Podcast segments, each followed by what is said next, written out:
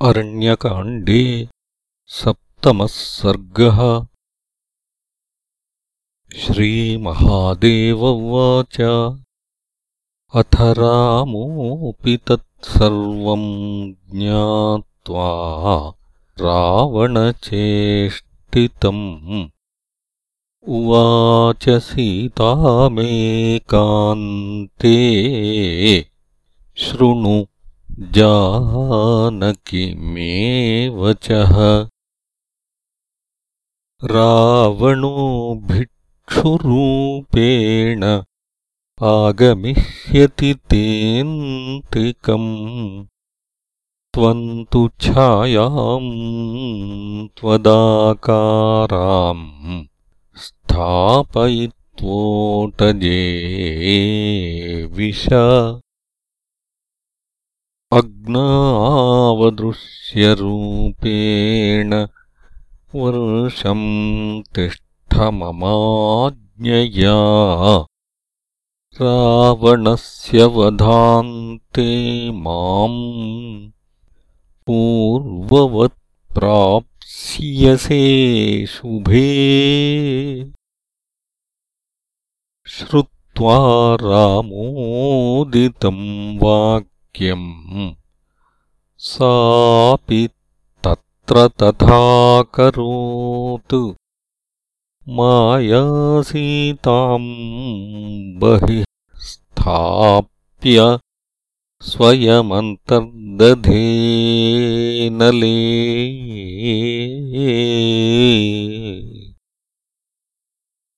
मायासीता तदा पश्यन् मृगम् मायाविनिर्मितम् रममभ्येत्य प्रोवाच विनयान्विता।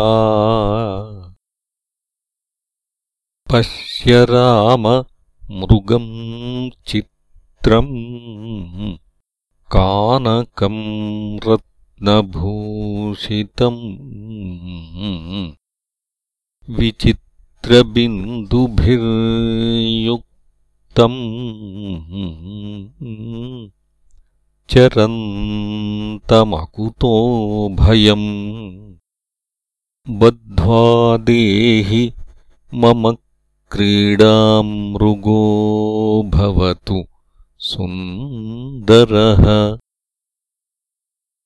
तथेति धनुरादाय गच्छन् लक्ष्मणमब्रवीत्।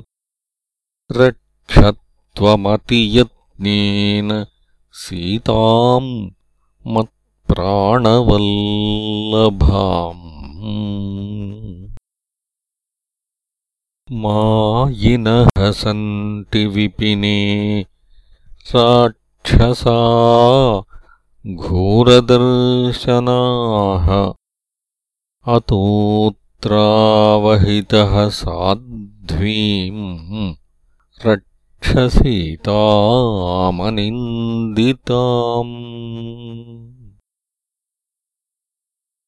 लक्ष्मणो राममाहेदम् देवायम् मृगरूपधृक् मारीचोऽत्र न सन्देह एवम् भूतो मृगः कुतः?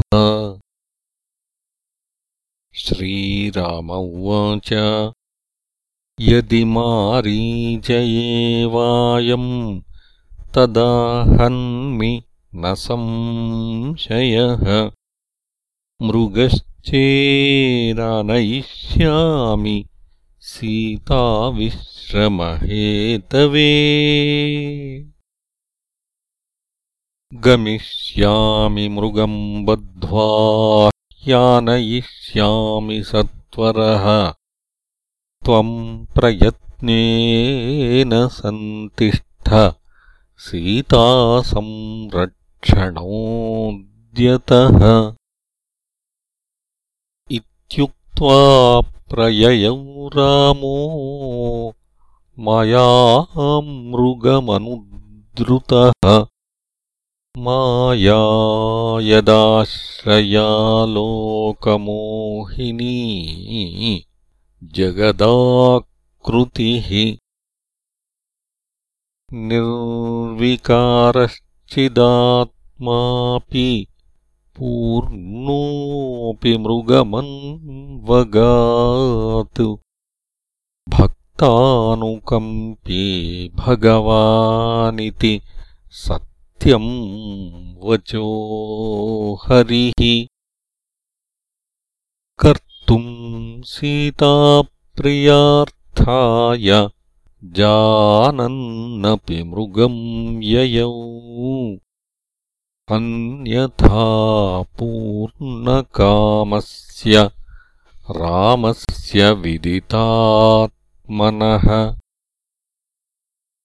मृगेण वा स्त्रिया वापि किम् कार्यम् परमात्मनः कदाचिद्दृश्यतेऽभ्यासे क्षणम् धावति लीयते।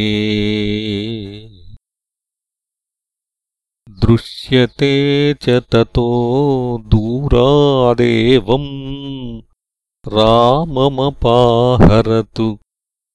ततो रामोऽपि विज्ञाय राक्षसोऽयमिति स्फुटम्।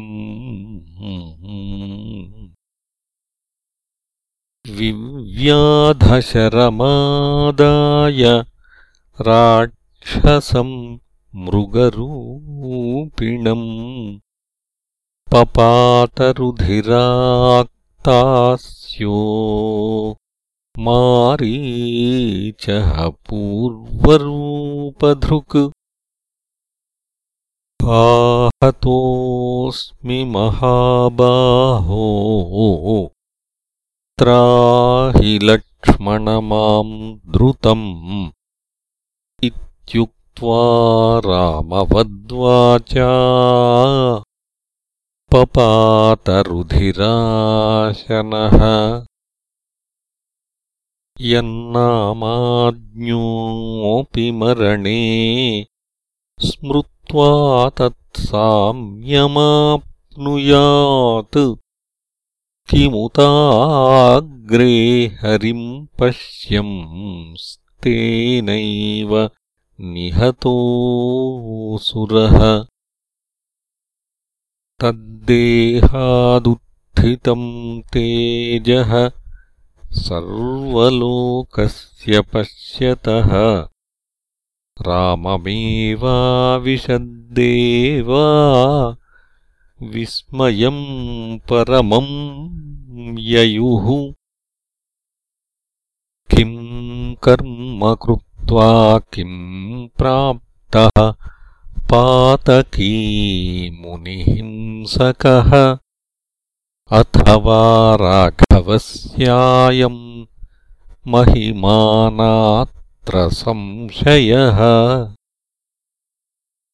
रामबाणेन संविद्धः। पूर्वम् रममनुस्मरन्। भयात् सर्वम् परित्यज्य गृहवित्तादिकञ्चयत् हृदि रामम् सदा ध्यात्वा निर्धूताशेषकल्मषः। अन्ते रामेण निहतः। पश्यन् राममवाप सः। द्विजो वा राक्षसो वापि पापी वा धार्मिकोऽपि वा त्यजन् कलेवरम् रामम्। स्मृत्वा याति परम् पदम्। इति ते न्यून्यमाभाष्य ततो देवा दिवं ययुः रामस्तच्चिन्तयामास। म्रियमाणोऽसुराधमः। हा लक्ष्मणेति मद्वाक्यमनुकुर्वन्ममार किम् श्रुत्वा मद्वाक्यसदृशम् वाक्यम् सीतापि किम् भवेत्? इति चिन्तापरीतात्मा रामो दूरान्यवर्तत। सीता तद्भाषितम् श्रुत्वा मारीचस्य दुरात्मनः भीतातिदुःखसंविघ्ना लक्ष्मणम् त्विदमब्रवीत् लक्ष्मण वेगेन भ्राता ते सुरपीडितः। हा लक्ष्मणेति वचनम् भ्रातुस्ते न शृणोषि किम्? लक्ष्मणो देवि रामवाक्यम् न तद् भवेत् यः कश्चिद्राक्षसो देवि म्रियमाणोऽब्रवीद्वचः रामस्त्रैलोक्यमपि यः क्रुद्धो नाशयति क्षणात्। स कथम् दीनवचनम् भाषते मरपूजितः। क्रुद्धा लक्ष्मणमालोक्य सीता बाष्पविलोचना प्राहलक्ष्मण दुर्बुद्धे व्यसनमिच्छसि। प्रेषितो भरतेनैव रामनाशाभिकाङ्क्षिणा माम् नेतुमागतोऽसि त्वम् रामनाश उपस्थिते न प्राप्स्यसे त्वम् मामद्य पश्य प्राणांस्त्यजाम्यहम्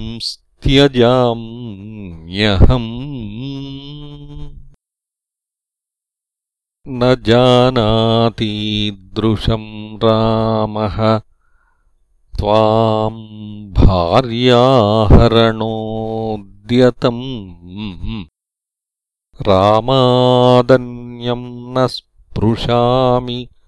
त्वाम् वा भरतमेव वा।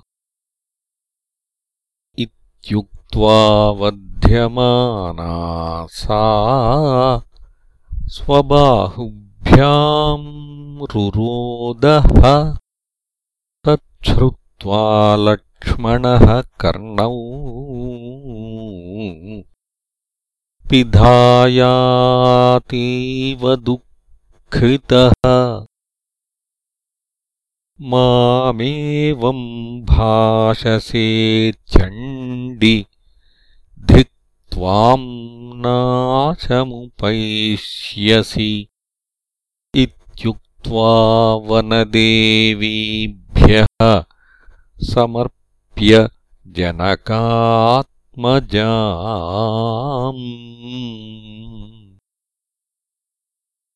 ययौ दुःखातिसंविघ्नो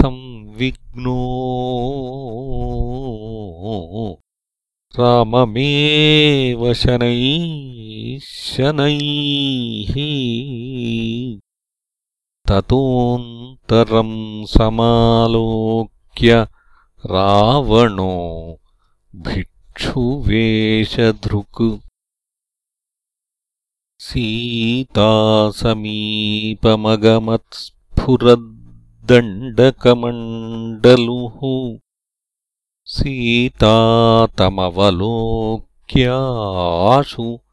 नत्वा सम्पूज्य भक्तितः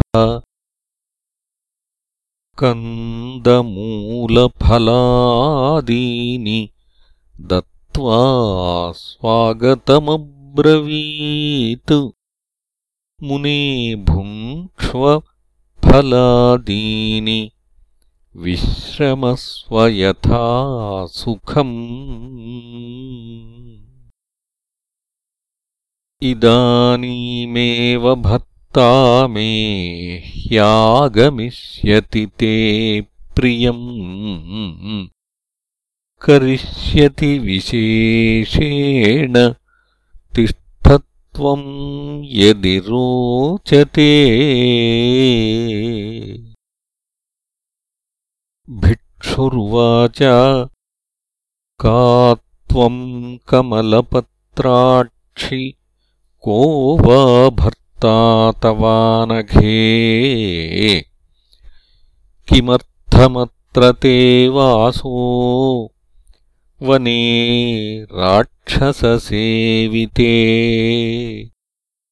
ब्रूहि भद्रे ततः सर्वम् स्ववृत्तान्तम् निवेदये सीतोवाच। अयोध्याधिपतिः श्रीमान् राजा दशरथो महान्। तस्य ज्येष्ठः सुतो रामः सर्वलक्षणलक्षितः। तस्याहम् धर्मतः पत्नी सीता जनकनन्दिनी तस्य भ्राता कनीयांश्च लक्ष्मणो भ्रातृवत्सलः। पितुराज्ञाम् पुरस्कृत्य दण्डके वस्तुमागतः चतुर्दशसमास् त्वान्तु ज्ञातुमिच्छामि मे वद। भिक्षुरुवाच पौलस्त्यतनयोऽहन्तु रावणो राक्षसाधिपः। त्वत्कामपरितप्तोऽहम् त्वाम् नेतुम् पुरमागतः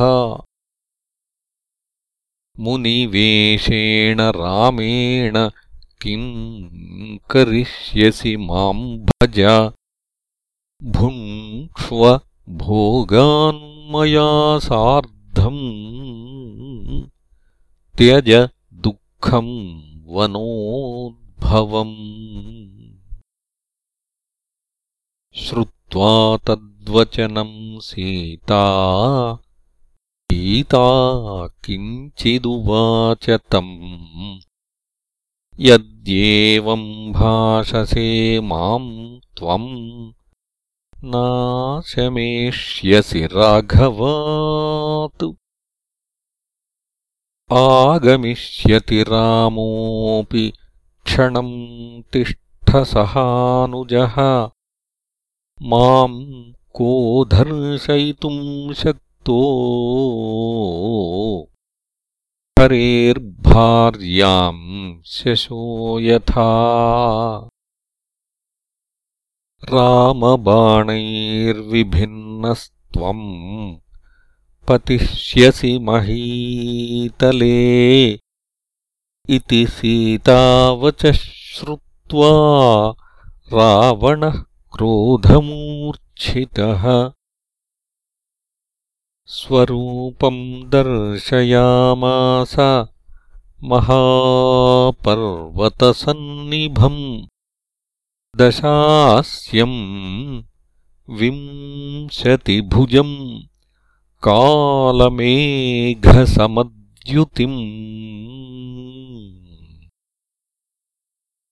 तद्दृष्ट्वा वनदेव्यश्च भूतानि च वितत्रसुः ततो विदार्यधरणीम्।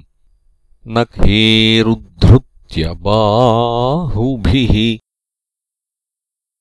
तोलयित्वा रथे क्षिप्त्वा ययौ क्षिप्रम् विहाय सा। राम हालक्ष्मणेति रुदन्ती जनकात्मजा। भयोद्विग्नमना दीना पश्यन्ती भुवमेव सा। श्रुत्वा तत्क्रन्दितम् दीनम् सीतायाः पक्षिसत्तमः जटायुरुत्थितः शीघ्रम् नगाग्रात्तीक्ष्णतुण्डकः तिष्ठतिष्ठेति तम् प्राह को गच्छति ममाग्रतः। मुषित्वा लोकनाथस्य भार्याम् शून्याद्वनालयात्। शुनको मन्त्रपूतम् त्वम् पुरोडाशमिवाध्वरे। इत्युक्त्वा तीक्ष्णतुण्डेन चूर्णयामास तद्रथम्। वाहान् बिभेदपादाभ्याम् चूर्णयामास तद्धनुः। ततः सीताम् परित्यज्य रावणः खड्गमाददे। चिच्छेदपक्षौ सामर्षः पक्षिराजस्य धीमतः पपातकिञ्चिच्छेषेण प्राणेन भुवि पक्षिराट् पुनरन्यरथेनाशु सीतामादाय रावणः क्रोशन्ती रामेति त्रातारम् नाधिगच्छति जगन्नाथ माम् न पश्यसि दुःखिताम्। रक्षसानीयमानाम् स्वाम् भार्याम् मोचय राघव। पालक्ष्मणमहाभाग त्राहि मामपराधिनी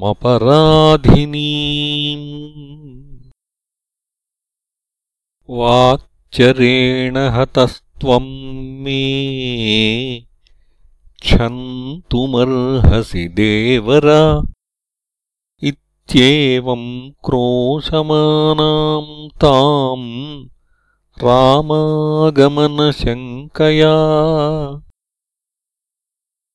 जगामवायुवेगेन सीतामादाय सत्वरः।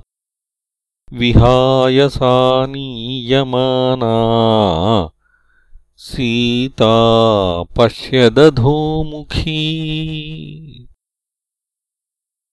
पर्वताग्रे स्थितान् पञ्च वानरान् वारिजानना। उत्तरीयार्धखण्डेन विमुच्याभरणादिकम्। बद्ध्वा चिक्षेपरामाय कथयन्त्विति पर्वते ततः समुद्रमुल्लङ्घ्य लङ्काम् गत्वा स रावणः स्वान्तःपुरे रहस्येतामशोकविपिने क्षिपत्। राक्षसीभिः परिवृताम्। मातृबुद्ध्यान्वपालयत् कृशातिदीना परिकर्मवर्जिता। दुःखेन शुष्यद्वदनातिविह्वला हारामरामेति विलप्यमाना। सीतास्थिता राक्षसबृन्दमध्ये इति श्रीमदध्यात्मरामायणे उमामहेश्वरे संवादे अरण्यकाण्डे सप्तमः सर्गः